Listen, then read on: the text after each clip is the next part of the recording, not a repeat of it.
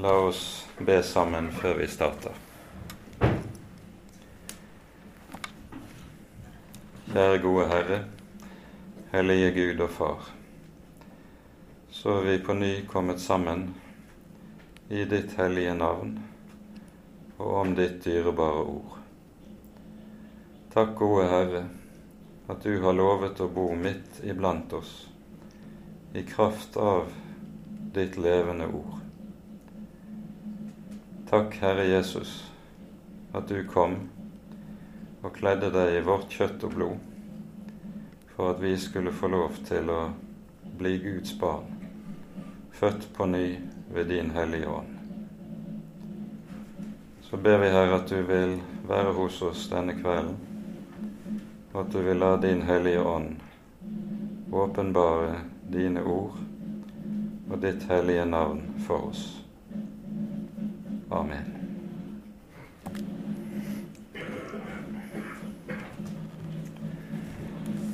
I første Korinterbrev, i det ellevte kapittelet, så møter vi en, et uttrykk som dukker opp et par ganger. Det står både i vers 18 og i vers 20 når dere kommer sammen. Og dette utgjør innledningen til et avsnitt der eh, Paulus tar for seg menighetens gudstjenesteliv. Dette avsnittet eh, strekker seg fra kapittel 11 og ut kapittel 14. Og eh, Paulus tar i dette avsnittet opp en rekke ulike forhold i menighetens liv. Det var mange ting som det var, var i ugreie i Korint. Det er slikt som Paulus påtaler i dette avsnittet. Men det er altså sånn at avsnittet kan sammenfattes med ordene 'når dere kommer sammen'. Og akkurat dette uttrykket 'å komme sammen' det er et grunnleggende kjennetegn på Guds folk og på den kristne menighet. Oskar Skarsaune forteller i en artikkel han var i Japan og foreleste og kom til å sitte i en samtale bl.a. med en buddhist. Eh, han var sammen med et par andre misjonærer. Eh, og så er det en av misjonærene som spør eh, buddhisten når er det uh, When do you worship? Uh, to worship er jo en, det vanlige engelske uttrykket for å samles til gudstjeneste. Uh, men buddhisten forsto ikke hva han mente. Og så måtte det en forklaring til. For det som er tilfellet i buddhistisk religion, er at det er aldri noen felles gudstjeneste. I stedet er det sånn at folk kommer til tempelet når de rent personlig føler behov for det. Kanskje i forbindelse med livskriser eller ved større vendepunkt i livet. Eh, og det gjør at Skarsaune former et, et ordpar som man setter opp som i kontrast til hverandre. Han taler på den ene siden om det han kaller for tempelreligion, og på den andre siden det han kaller for eh, synagoge- eller kirkereligion. Tempelreligionen, som du har i en rekke ulike religioner, både hinduismen, buddhismen, konfusianismen og en rekke av de østlige religionene, ikke minst, er kjennetegnet ved at folket ikke kommer sammen regelmessig til noe felles gudstjeneste. Man samles i tempelet der man har personlig og privat behov for det. Og Da går man gjerne når det rent privat er slik at man har de store vendepunktene i livet, f.eks. Der privatreligiøsiteten passer veldig godt sammen med tempelreligion. Mens den kristne tro er kjennetegnet ved at Guds folk kommer sammen. og kommer sammen regelmessig, helt uavhengig av sine private behov. Når Skarsaune beskriver dette, så bruker han dette som en nøkkel til å forstå forskjellen mellom folkereligiøsiteten og det som er den egentlige kristne menighet og kirke. Folkereligiøsiteten, slik vi finner den i våre egne land f.eks., den bærer mye av tempelreligionens preg. Man kommer til kirke ved de store vendepunkt i livet, når det er bryllup, ved dødsfall, ved konfirmasjon. Konfirmasjonen er å betrakte som en overgangsrite, nærmest. Og Dette gjør man helt uavhengig egentlig av personlig tro. Men der det er levende tro på den Herre Jesus, der vil det alltid være et behov for å komme sammen med Guds folk. Og da samles man regelmessig. Og det er dette Paulus setter ord på med disse enkle ordene 'når dere kommer sammen'. For dette er nettopp det vi møter hos den første kristne menighet. De troende holdt seg sammen. I grunnordet i apostelgjerningene 2.42 så sies det alle de troende holdt trolig fast ved apostlenes lære, samfunnet, brødsbrytelsen og bønnene.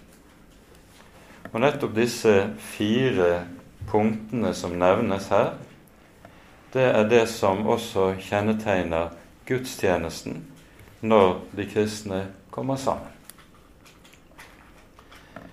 Den kristne gudstjenesten slik som vi kjenner den, som den foregår på søndagen, den er vokst organisk ut av synagogens gudstjeneste. I Lukasevangeliet kapittel 4 hører vi at Jesus er i synagogen i Nasaret. Det står at Jesus etter sedvane på sabbatsdagen gikk i synagogen. Og Legg merke til dette uttrykket. Det står 'etter sedvane'. Altså, Jesus gikk ikke der bare en gang imellom fordi han da fant en, eh, et egnet sted der han kunne forkynnes det budskap han skulle formidle. Nei, dette var noe han var fortrolig med etter sedvane. Det betyr helt fra barnsben av så hadde han vært vant til å samles med Guds folk i synagogen på sabbatsdagen.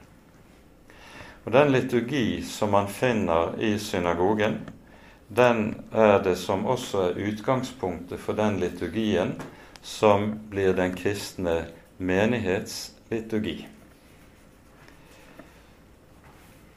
Man kjenner i hvert fall til det som er stammen i synagogens liturgi. Og vi må kunne si det sånn at synagogens liturgi var først og fremst det vi vil kalle for en ordets gudstjeneste. En ba Guds ord, nemlig ifra Salmenes bok. En sang Guds ord ifra Salmenes bok. En leste Guds ord. Det var ganske betydelig grad av tekstlesning fra de hellige skrifter i synagogens gudstjeneste. Og det ble prekt over det ord som en leste fra. Og dette kjenner vi igjen. Dette er jo det som går igjen i vår gudstjenesteliturgi.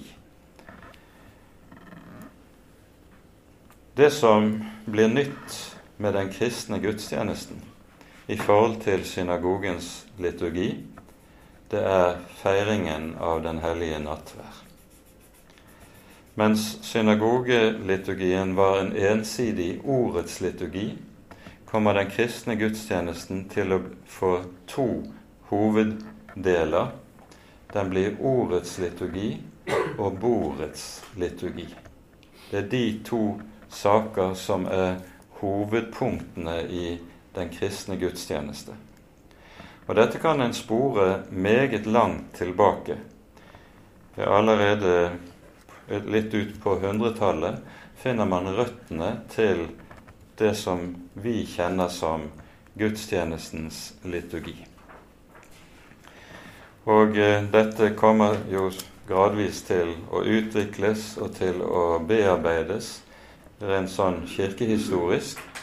Men hovedbestanddelene står igjen gjennom hele Kirkens historie. Når vi kommer til reformasjonen, så finner vi at Luther og den lutherske reformasjon på ingen måte bryter med den liturgiske tradisjonen som de hadde med seg fra den katolske kirke. Det Luther gjør, det er at han renser ut alle tillegg som var kommet inn i løpet av middelalderen, og som ikke var i overensstemmelse med Guds ord. Men han beholder gudstjenesten med gudstjenestens liturgi. Og han gjør også et ganske betydelig liturgisk arbeid. I 1523 eh, offentliggjør han formula misse, dvs. Si en Luthers gudstjeneste på latin. Den er temmelig lik den romersk-katolske gudstjenesten, bare en har renset ut alle misbruk. De misbrukene som er renset ut, det er først og fremst tilbedelse av helgenene, tilbedelse av Jomfru Maria, og ikke minst også messeofferet. Det at en betraktet nadværen som et offer til Gud, som presten skulle bære frem, i stedet for dette som jo er det helt fundamentale i eh, vår tro, at nadværen er Guds gave til oss. Den er ikke vår gave til Gud, men det er Guds gave til oss. Dette ble, var noe som altså var klart allerede i Luthers latinske utgave av gudstjenesten i 1523. Og I 1525 kommer Deutsche Messe. Da kommer gudstjenesteliturgien ut på folkespråket, og da er det også lagt inn et stor del av salmesang. Mens i den latinske gudstjenesten var det slik at her var det munker og prester som sang. Så blir den lutherske gudstjenesten med Deutsche Messe det blir folkets gudstjeneste, der folket deltar, og folket er med i sangen, ikke minst. Når man kommer et stykke lenger ut på 1500-tallet, og den katolske motreformasjonen har tatt til, så hører vi der er funnet brev i Vatikanbiblioteket som taler om dette. Der reiser jesuittiske spioner rundt i de lutherske land for å finne ut av hvordan er det disse lutherske kjetterne oppfører seg. Og om den lutherske gudstjenesten og den lutherske kirke, så sier, sier de at dette er et syngende folk. Altså hele folket synger. Og Luthers salmediktning hadde jo nettopp som formål dette at den reformatoriske gjenoppdagelsen av evangeliet, den skulle folket lære gjennom å synge. De lærte utenat salmene, og disse inneholdt kjernen av det reformatoriske budskap. Slik at salmesangen kom til å bli helt sentral i den lutherske gudstjenesten. Og når dette etter hvert også blir en del av katolsk gudstjenesteliv, så er det jo fordi den katolske kirke skjønte at dette var en ganske god idé. Og så tok de etter den lutherske kirke, slik at i, går du inn til en katolsk gudstjeneste, så vil du finne salmesang der, akkurat som hos oss. Noe mindre, kanskje, men likevel samme sak.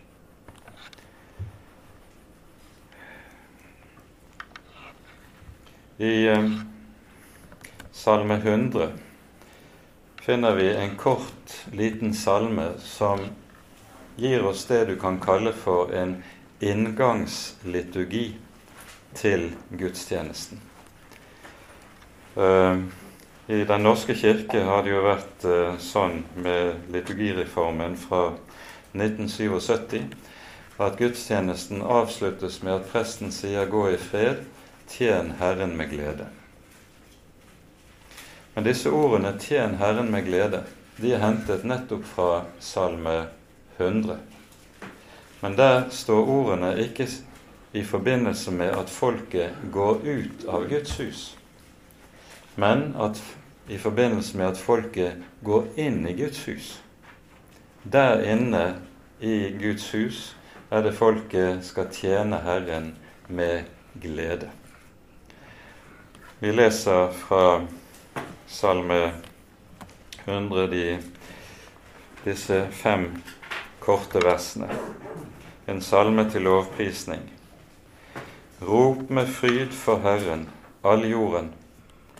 Tjen Herren med glede. Kom frem for Hans åsyn med jubel. Kjenn at Herren er Gud. Han har skapt oss og ikke vi selv, til sitt folk og den jord han før. Gå inn gjennom hans porter med takkesang, inn i hans forgårder med lovsang. Takk ham og pris hans navn.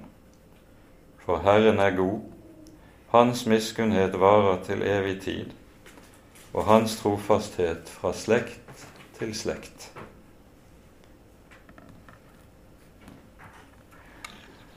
Tjen Herren med glede.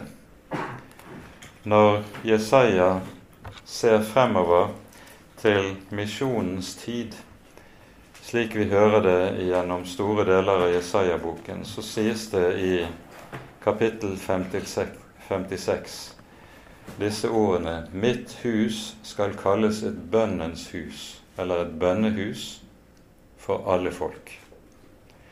Men like før dette så sies det 'Jeg vil glede dem i mitt hus'. Altså Herren taler til sitt folk og sier 'Jeg vil glede dem i mitt hus'. Og Det sier noe om hva som skal være så å si den ånd og det grunnstemning som skal ligge i det å samles, at Guds folk samles i Guds hus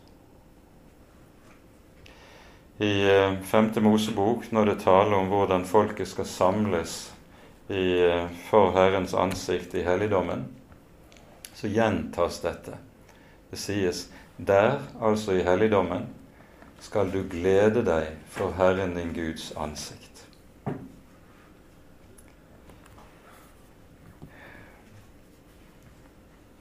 Den lutherske reformasjon den var bare én retning som sprang frem i reformasjonsårhundret. Du også, har også en annen hovedretning som springer ut under, i dette århundret, og det er den kalvinske reformasjonen i Genéve. Forskjellen mellom Luther og Calvin den er dyptgående på en rekke områder. Og et av de områdene som dette ganske særlig blir synlig, det er Calvins tenkning om nettopp gudstjenesten. For Calvin vil ikke ha liturgi. Calvin vil avvise hele Luthers måte å tenke om gudstjenestens liturgi, og etablerer i stedet en gudstjeneste som i mangt minner om bedehusets møteform. Der det er og han mener at Luther eh, er stanset på halvveien i sitt reformasjonsverk.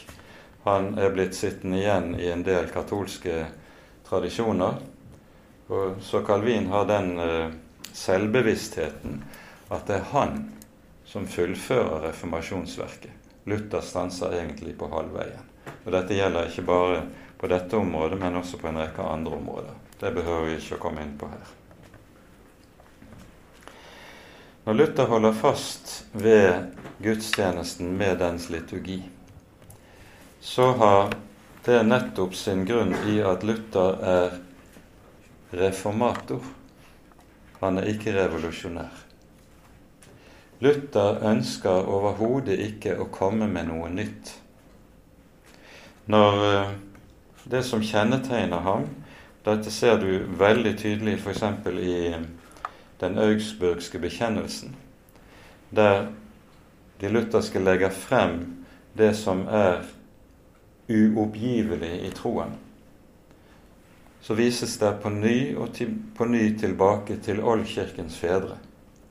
Og det understrekes vi kommer ikke med noe nytt. Luther gjør av og til narr av uh, de katolske teologene og sier, kan få seg til å si at disse lærde herrer de står og ser på den nye læren som kyr på en ny grind. Det er ganske typisk for Luthers eh, saftige uttrykkssett. Eh, men poenget hos Luther er nettopp dette at han kommer ikke med noe nytt. Det han gjør, det er å gjenoppdage det som er den opprinnelige kristne tro, slik vi finner det i Det nye testamentet. Og dette gjelder også alt som har med kirkeordninger. Han griper tilbake til det som man finner i oldkirken og hos fedrene. For Luther vil det å komme med noe nytt være ensbetydende med vranglære. Og det holder han seg langt borte fra. For oss i vår tid så bærer norsk kristenliv i, i veldig sterk grad preg av et motsetningsforhold mellom det som kalles høykirkelig og lavkirkelig kristendom. Den lavkirkelige den er kjennetegnet bl.a. ved at den dårlig liker Kirkens liturgi. En vil helst samles med bedehusets møteform, eh, mens motsatt på hin side har du det som kalles av mange, da, i hvert fall, en høykirkelig møteform der en elsker liturgien og har lite sans for bedehusets møteform.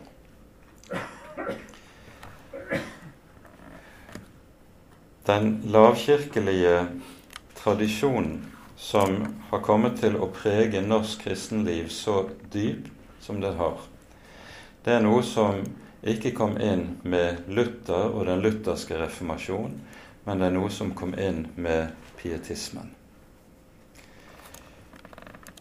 Norsk pietismen hadde flere ulike hovedretninger. Du hadde en kirkelig retning eh, innenfor pietismen. Den kom til å prege svensk kirkeliv meget sterk. Og med Sverige, siden Sverige også var sammen med Finland, så kom finsk kirkeliv tilsvarende til å være preget av den mer kirkelige pietisme. Norsk og dansk kristenliv ble på sin side i stedet preget av den lavkirkelige pietismen som vi kaller for hallepietismen. Og Denne var så med lite velvilje både på gudstjenesten og dens liturgi, like som en så med lite velvilje også på alle kirkelige ordninger. Tankegangen var den når det gjaldt den kristne møteformen, var at liturgien var noe som bandt menneskene. Det ødela den kristne frihet, ga ikke anledning til åndens frie løp. Den Kirkens liturgi var med andre ord døde ritualer. Og Det er en sånn tankegang som eh, man kanskje fortsatt kan møte her og der. Ritualisme var begrepet som gjerne ble anvendt på dette. Men hva er det nå liturgien er, hvis det er slik at den går helt tilbake til synagogen og til apostlenes tid? Hva er den egentlig for noe? For det første må vi understreke en sak som er uhyre betydningsfull. Liturgien skal ikke være noe annet enn Guds ord. Den skal være Guds ord i bruk, i bønn, tilbedelse, i lovsang. Intet annet. Man ber Guds ord, man synger Guds ord, man tilber Gud med Guds ord. Og Derfor er det sånn at de helt sentrale leddene i liturgien de er slike ledd som er hentet nettopp fra sentralavsnitt i Den hellige skrift. Når vi synger vårt Kyrie, Gud vår Far, miskunn deg over oss. Herre Jesus Kristus, miskunn deg over oss. Så er det ordene som vi hører fra hjelpeløse og fortapte syndere i evangeliene. Herre, forbarm deg over meg. Kan du høre om igjen og om igjen i evangeliene. Det er dette vi synger når vi synger vårt Kyrie. Gloria-leddet, ære være Gud i det høyeste. Det englene sang på Betlehemsmarkene, som menigheten altså istemmer. Og poenget med at vi som menighet synger her, hva er det? Jo, det er at like som englene synger for Guds trone og jubler over at Gud blir menneske, slik stemmer den kristne menighet i med englenes sang. Det er så å si like som at himmel og jord skal synge sammen. Det er poenget når vi tar inn englenes lovsang i liturgien. Det neste leddet som hører med til de faste ledd, det er jo credo, trosbekjennelsen. Som ikke er noe annet enn det bibelske budskap, sentrum i det bibelske budskap, samlet i kort, så å si lapidarisk form. Så kommer de leddene som hører med fast i forbindelse med nadværen. Vi synger vårt Sanktus, hellig, hellig, hellig. Det er trefoldig hellig. Hentet fra Jesaja 6 og Åpenbaringen 4. På ny er det englenes lovsang innenfor Guds trone som klinger for sin motsvar og sin gjenklang her hos oss. På ny understrekes samme sak. Himmel og jord skal synge sammen. Og så etter at innstiftelsesordene er lest, der vi møter Jesus som påskelammet, som er slaktet for oss, så synger vi Agnus, som betyr lammet, du Guds lam, som bar all verdens synder, miskunn deg over oss. Det er Guds ord og intet annet enn Guds ord vi som menighet synger i alle disse ledd. Det siste leddet som hører med til de faste ledd fra gammelt av, som avslutter gudstjenesten, er jo den aronittiske velsignelsen, som er hentet fra Fjerde Moseboks sjette kapittel. Og like som denne velsignelsen avsluttet gudstjenesten i tempelet, så avslutter den gudstjenesten hos den kristne menighet her gjennom tiden. Dette er de klassiske leddene som utgjør ryggraden i en kristen gudstjeneste. Alt annet er så å si bare ornamenter som er bygget opp rundt disse hovedleddene. Men det er Bibelen, og det er Bibelens ord, som synges, bes, jubles, tilbes.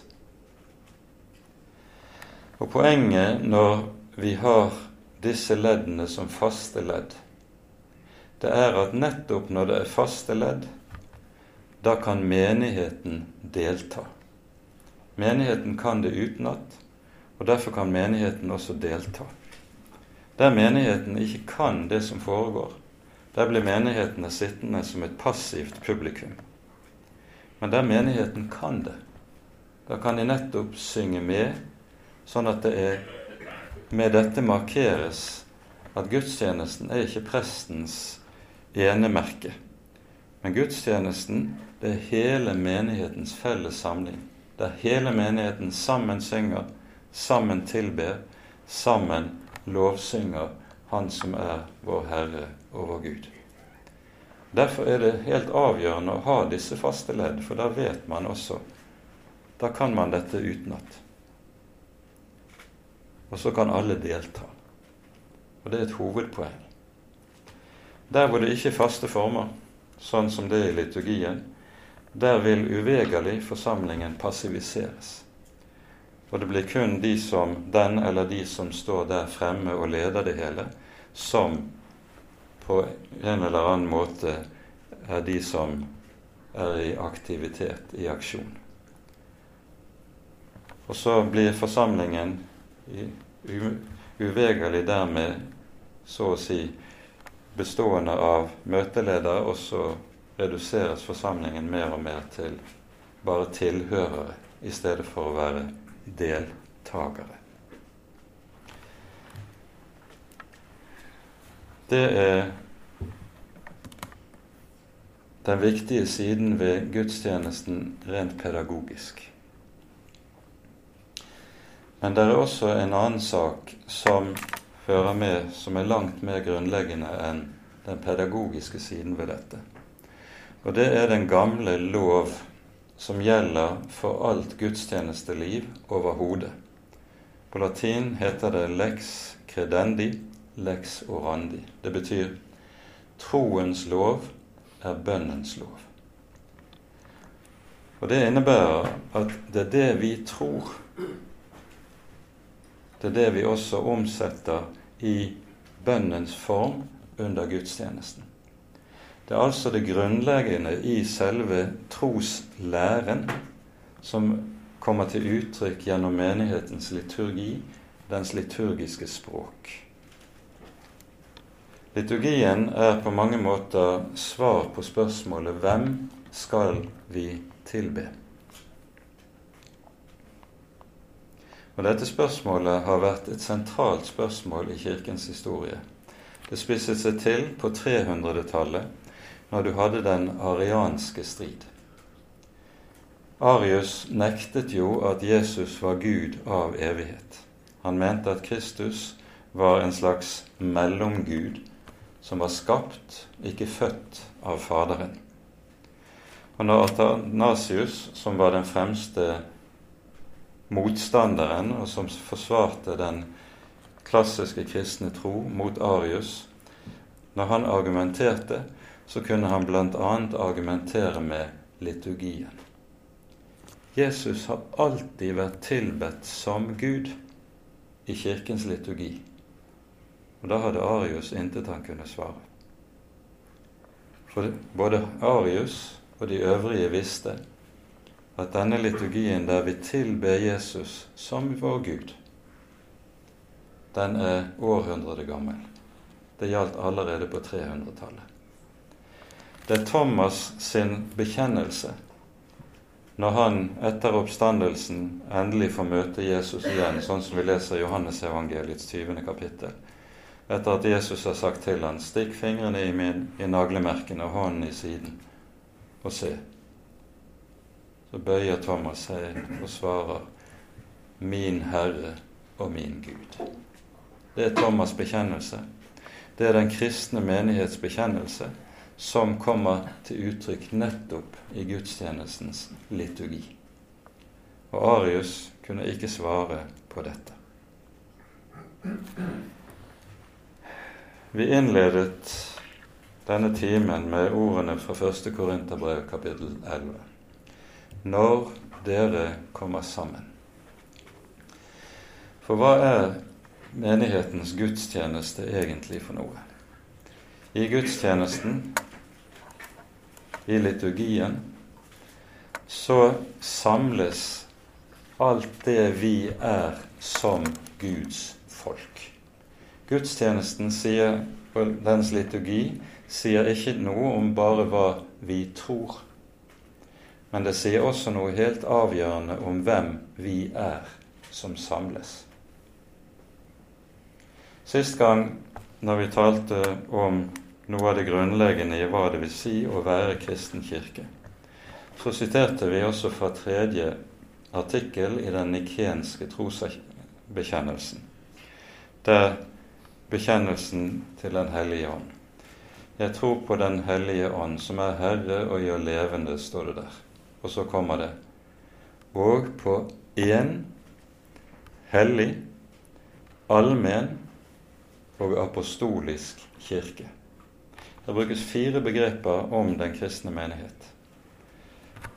Den er én. Bekjennelse altså til Kirkens enhet. Gud har ikke mange kirker, han har bare én. Denne kirke er hellig. Den er allmenn. Altså det greske ordet her er jo katolikos. Den er katolsk. Og den er apostolisk. Disse fire sakene er det nettopp som legemliggjøres i Kirkens gudstjeneste når det vi kommer sammen. Hvorledes skjer dette?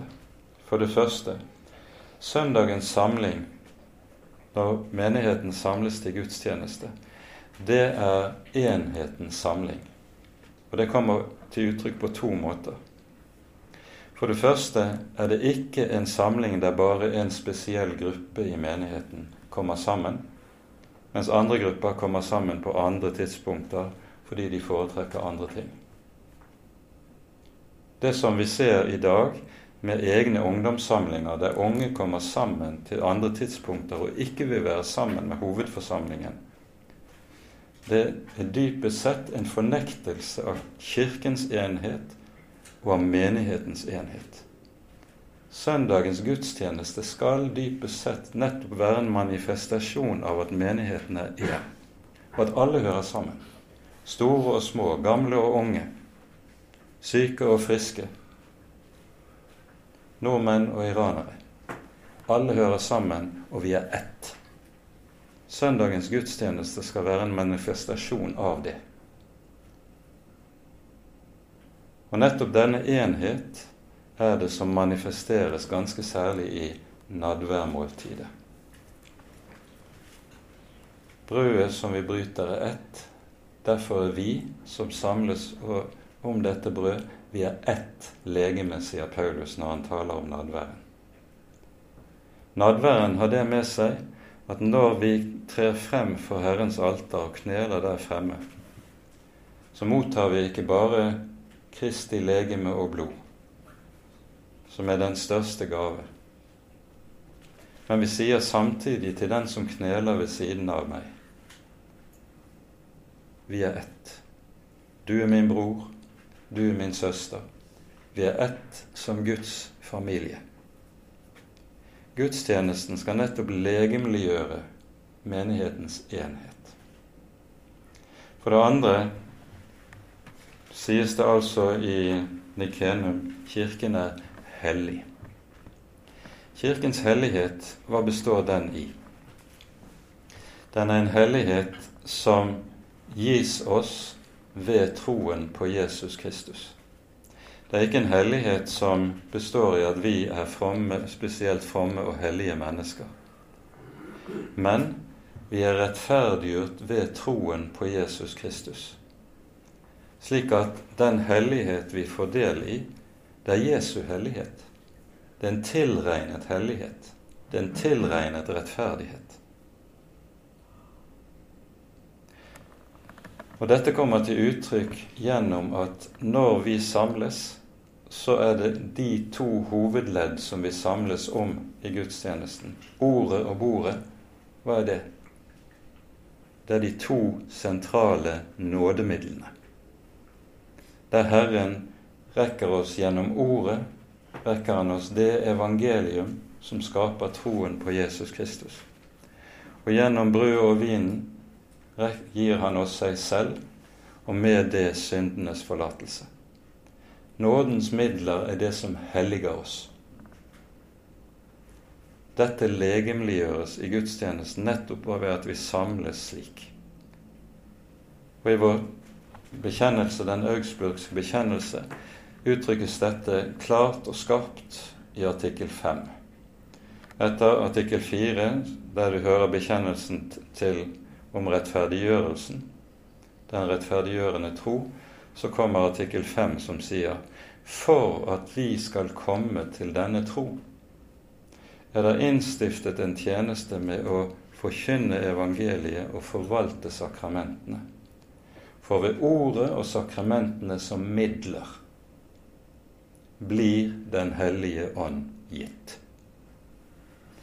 Som skaper troen hvor og når hvor Gud vil. Altså det er gjennom nådemidlene vi helliges.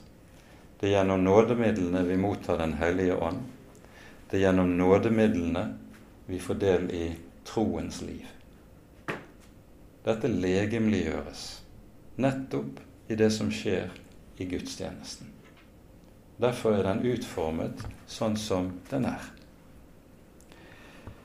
Det tredje som sies, Kirken er allmenn, altså katolsk, som er det, både det greske og det latinske ordet som er i grunnteksten til trosbekjennelsen.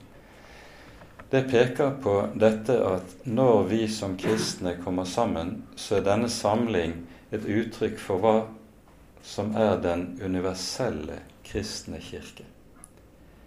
Vi holder ikke på med sær, særheter, geografiske spesialiteter som vi særlig liker her hos oss. Nei, denne samlingen er nettopp uttrykk for det som er den allmenne kristne tro, den universelle kristne tro. Ikke bare i vår tid, men som går like tilbake til apostlene. Og da har du begrepet tradisjon, som plutselig blir viktig. Nettopp det at vi ikke finner på noe nytt, men samles med de ord og med den gudstjeneste som har vært felles for den kristne kirke gjennom århundre etter århundre, helt fra den første kristne tid, så sier vi nettopp vi står sammen med det som er den kristne kirkes tro, like fra begynnelsen av. Liturgien, slik den er utformet, legemliggjør også det poenget. Og så til sist Kirken er apostolisk, sies det inn i Kenum. Det betyr at den sanne og rette kristne kirke tror slik apostlene trodde, lærte og forkynte. Det betyr at en vranglærende kirke og en vranglærende gudstjeneste, den er ikke apostolisk. Og Det innebærer altså at der evangeliet forkynnes sant og rett, og sakramentene forvaltes i samsvar med Kristi innstiftelse, der er det vi finner den apostoliske kirke. Å være kristen, det er å tro som apostlene. Å være kristen kirke er å tro som apostlene.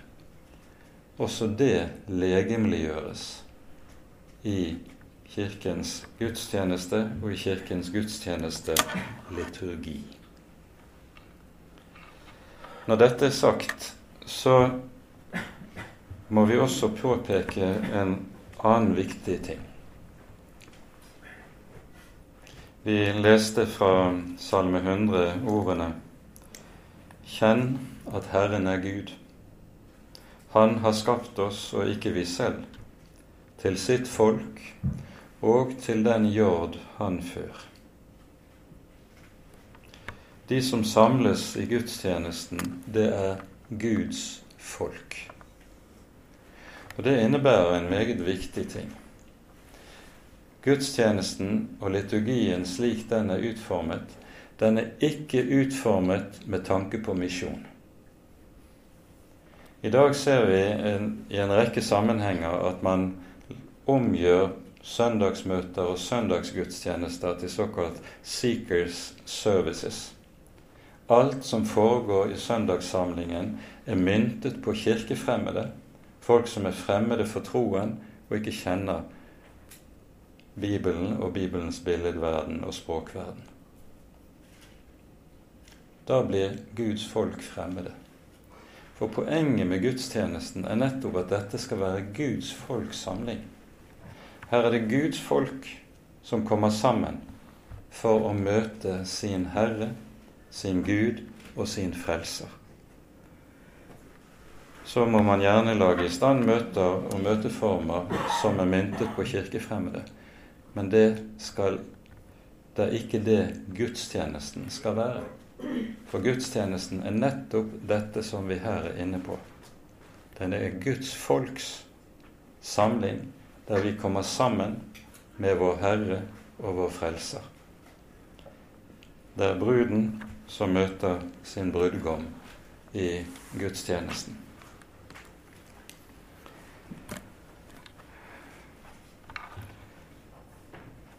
Vi har vært inne på så vidt tradisjonen i sammenheng med det som ble sagt om gudstjenestens allmenhet når den griper tilbake. Vi møter i alt dette noe som er tenkt for Guds folk å være det stedet der vi oppdras i troen. Gudstjenesten med dens liturgi er ikke umiddelbart lett tilgjengelig. For mange er det, selv etter at de har gått til kirke og til gudstjeneste gjennom mange år, er det slik at de kan føle at det er en rekke saker i gudstjenesten en ikke forstår. Hvorfor har vi i det hele tatt dette med i gudstjenesten, eller det annet? Hva betyr det egentlig? Hva er meningen?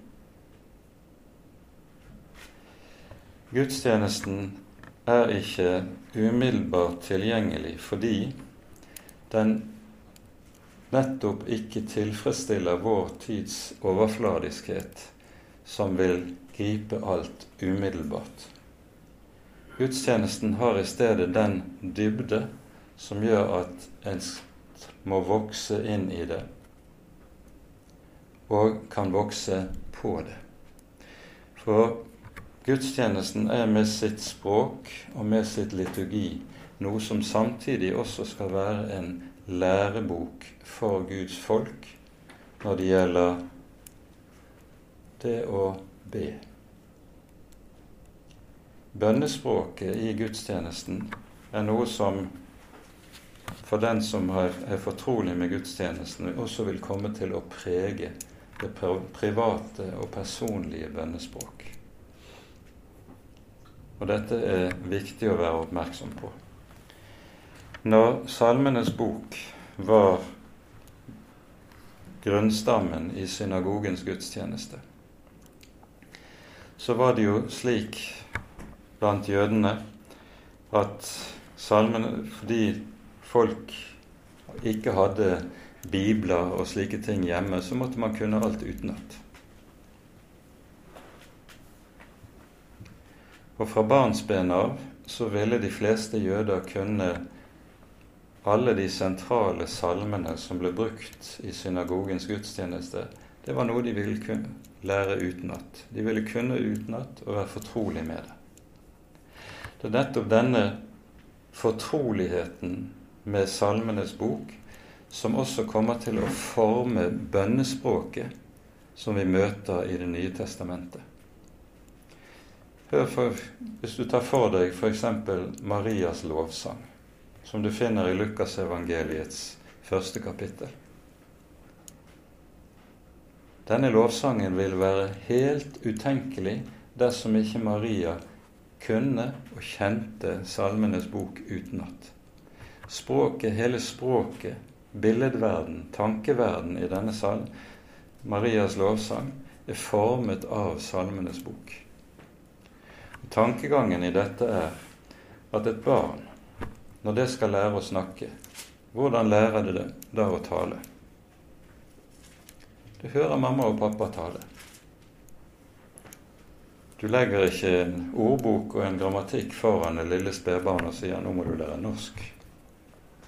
Nei, barnet hører mamma og pappa tale. Og I Salmenes bok der hører du Guds ord. Det er Faderens tale. Når du hører dette ord, lærer dette ord, så vil også det komme til å forme og lære deg bønnespråket. Bønnens språk vil bli preget av Guds ord. Fordi en har hørt Faderen tale, så vil barnets, gudsbarnets tale komme til å bli formet av dette språk. Et av de sterkeste vitnesbyrdene i Det nye testamentet som vi finner på dette, har vi i apostelgjerningenes fjerde kapittel. Her har Peter vært fengslet. Eh, forhørt for Det høye råd. og så slipper han ut og kommer tilbake til menigheten. Og så hører vi at hele menigheten fylles av Den hellige ånd og ber samstemt, som med én munn eller med én røst. Og hva ber de? Ordene fra Salmenes bok som de kunne utenat. Det er hovedsakelig fra Salme 2, det som vi hører i bønnen her i eh, apostelgjerningene 4. Det er altså ord som er faste ord, som de er innlært, og som så kommer til å prege og forme bønnespråket hos de troende. Og dette er nettopp tankegangen slik som vi finner den i, med det at vi har det, disse ordningene som vi har. I våre dager så er vi kommet i en situasjon der individualismen råder grunnen i alt samfunnsliv. Og individualismen den gjør seg også sterkt gjeldende på troslivets og det religiøse livets område. Individualismen fører bl.a. med seg at når folk kommer og søker Guds hus og kristne fellesskap, så kommer man med krav. Jeg vil ha gudstjeneste på mine premisser. Jeg vil møte Gud på mine premisser. Liturgien er noe som setter absolutt bom for dette. Liturgien krever at du oppgir dine egne interesser for å bli en del av et større fellesskap. Det blir så, så å si slik som uh, Bo sier, sier det i en sammenheng. All liturgi innebærer selvovervinnelse. Jeg må legge til side alle spesiale egne preferanser for å bli en del av et større fellesskap. For det er jo det det er å være et kristent menneske. Gud har ingen enebarn, har vi understreket ved flere anledninger. Det å være en kristen er alltid å bli del av et fellesskap. Det er alltid å bli del av Guds folk.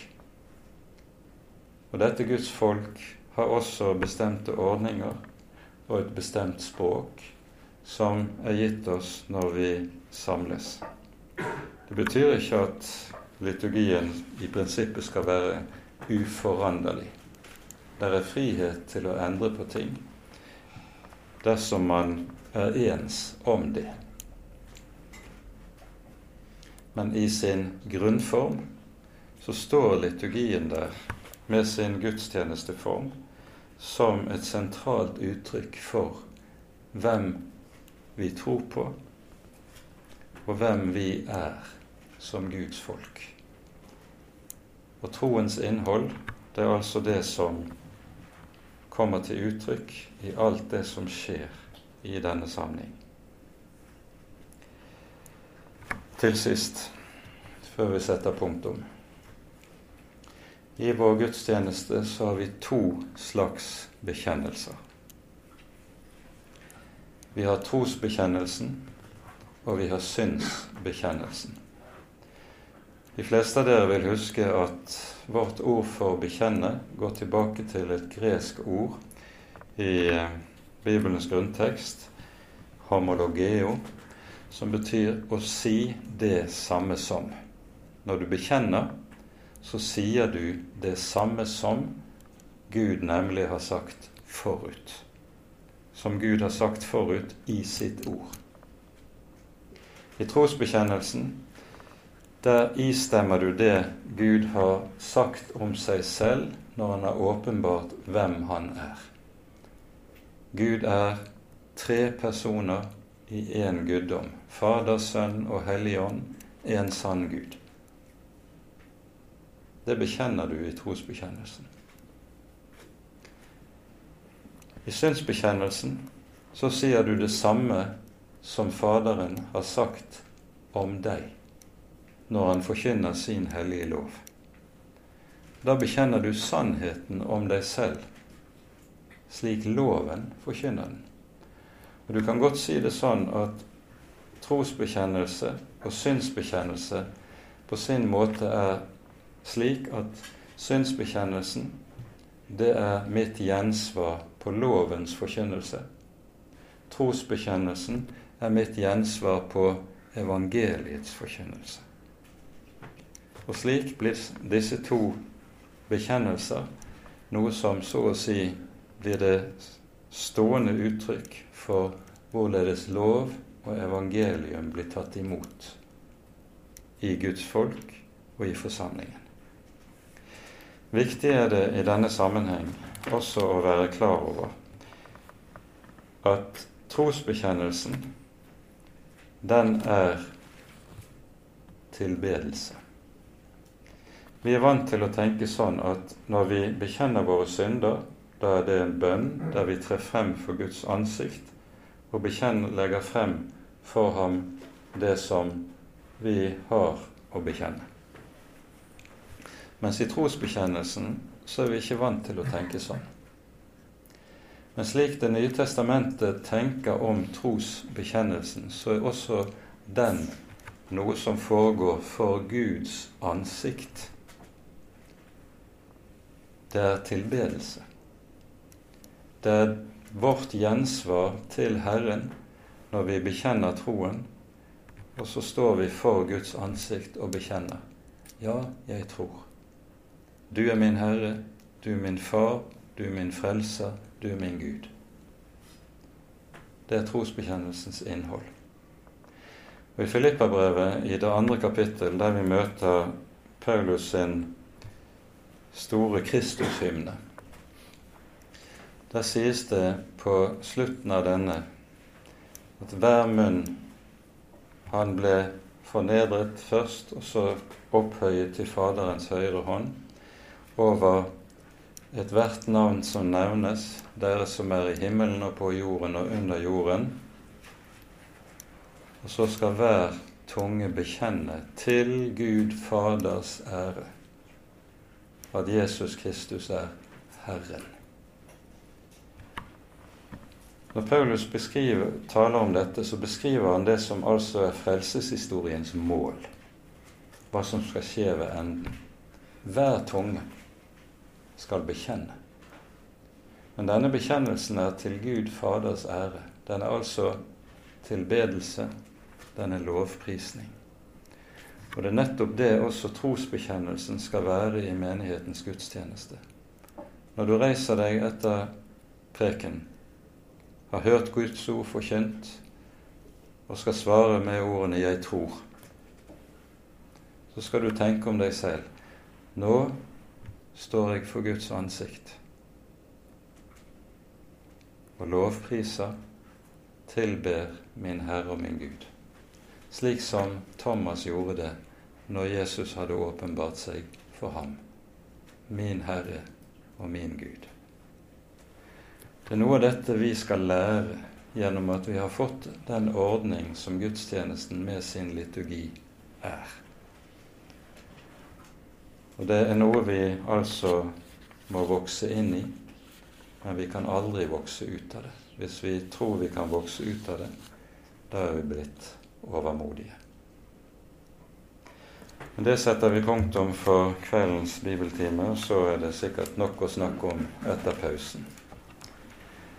Ære være Faderen og Sønnen og Den hellige ånd, som var og er og være skal, en sann Gud høylovet i evighet. Amen.